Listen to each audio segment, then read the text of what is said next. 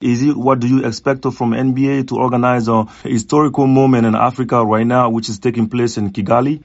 For, sure. First of all, you know, thank you, but also I want to congratulate you because we're proud of uh, what you're doing. And as we talk about the Basketball Africa League, we want to build a basketball industry. We, we can see this league becoming, you know, a place where not only the players playing on the court and, and the coaches can become professional, but also someone like you went to Basketball Without Borders, now working in broadcasting. We need broadcasters to, you know, tell the story, you know, around the world. And we are, in terms of coming back to uh, our thoughts uh, around this first first week of games. First of all, you know, really the the footprint in terms of these games being distributed in 215 countries and 15 languages all across Africa and around the world is a big first step. You know, so it's about really creating a compelling product on the court and um, very, you know, impressed with a lot of these teams, uh, you know, that's coming out of the gate. Uh, just the,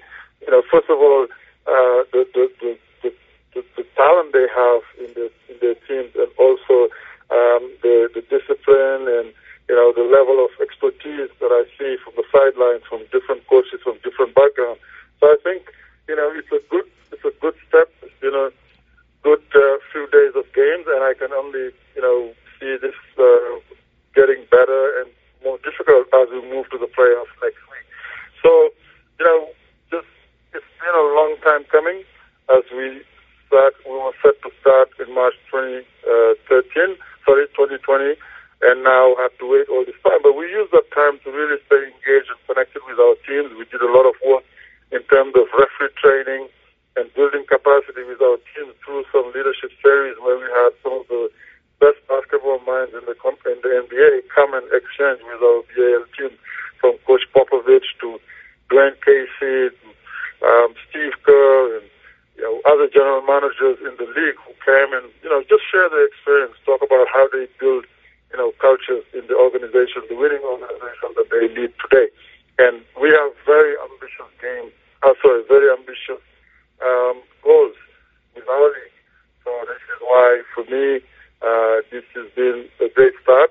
But uh, we're going to continue to to work and to put forth the effort to make sure that this league in a few years is going to be one of the absolute best uh, professional basketball league in the world. Oh, we saw that uh, a lot of Africans have been very shining in NBA. We see a good significant numbers of uh, African players in NBA and the list going on. I'm pretty sure you are aware of a lot of them, most of them pretty much.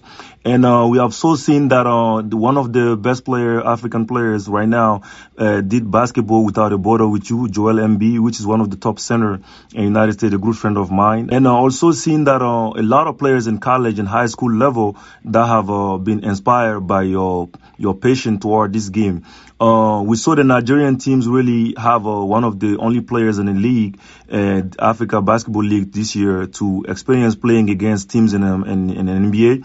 Uh, do we expect uh, uh, to see on the recruiting side better uh, recruitment for Nigerian team because we saw the NBA draft for 2020 uh, to top Africans uh, to make it to NBA first round and uh, the first time in history uh, six of them was from Nigeria originally.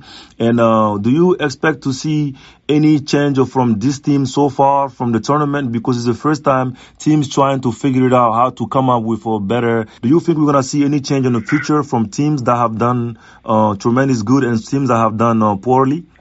Yeah, look, I think it's a it's a start.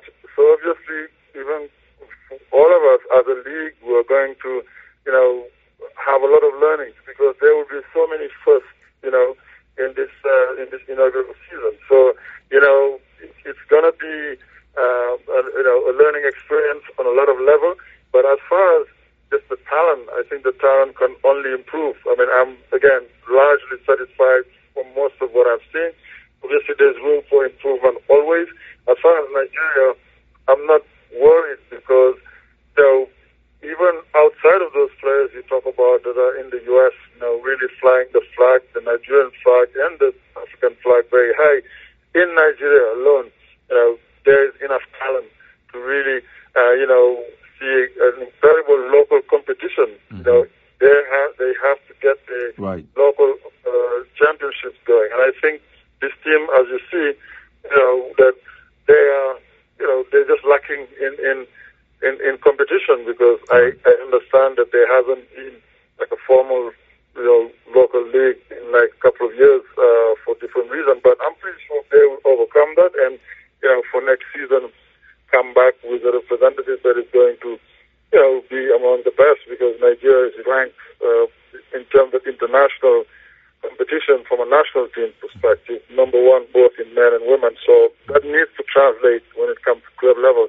You see Tunisia, uh, you know, and Angola, when, when you look at US Monastir, uh, you know, uh, you look at Petro, you look at SAP, even AS Douane, AS Salé, most of those players play in the domestic league, you know, and they they recruited, you know, a few uh, players who are either from the U.S. or other parts. I know that Monastir has a player from Lebanon who is probably the best point guard in Asia, you know, that they were able to attract. So the opportunity here is for the league to retain elite talent uh, from the continent, develop elite talent from the continent, but attract also elite talent from all around the world. So this is why we are excited about the opportunity here to build one of the best professional basketball leagues in the world in the in, in, in years to You mentioned the local, and uh, this gonna give the local players a lot of chance to also prove their talent to the world because uh, the world will see Africa talent through this uh, BAL tournament. Do we expect to see anything, any surprising recruitment from the NBA toward this league in Africa? Ultimately, we are looking to to to, to grow a basketball industry right here and, and on the continent. We always know that there was tremendous talent here, and the talent has always been exported. And now we want to make sure that you know, that talent also showcased on the continent. What was lacking is a platform, and uh, you know, like the Basketball Africa League. Now that it is here, you know, I think the trickle down effect is going to be uh, the much improved local leagues because you have to win your, your your national league to qualify for the Basketball Africa League. So I already start seeing that in many countries where clubs are recruiting talent, are getting some locals who are playing in other leagues around the world who just finished university in the U.S. coming, going back home to play in their local league because for the chance to qualify for the Basketball Africa League, which is a Champions League model. So, you know, I can see uh, improved quality in terms of the local leagues, and this is how you're going to grow the, the entire ecosystem because we will run our season, let's say, around three months, but then the rest of the time, you want these local leagues to prosper. You want more talent from Africa have opportunity to monetize their talent right here in Africa, and that's how you're going to build an industry. And it's only going to add to really also the strength of basketball uh, around the world as the number two sport. Thank you so much, Gallo uh, Amadou. Thank you very much. Uh, you are Africa proud right now. We all really uh, shining under the light of the work you have done. So for so many young talents from Africa playing basketball, and uh, we'll be in touch and follow up. It's a it's a great pleasure for VOA to broadcast with you.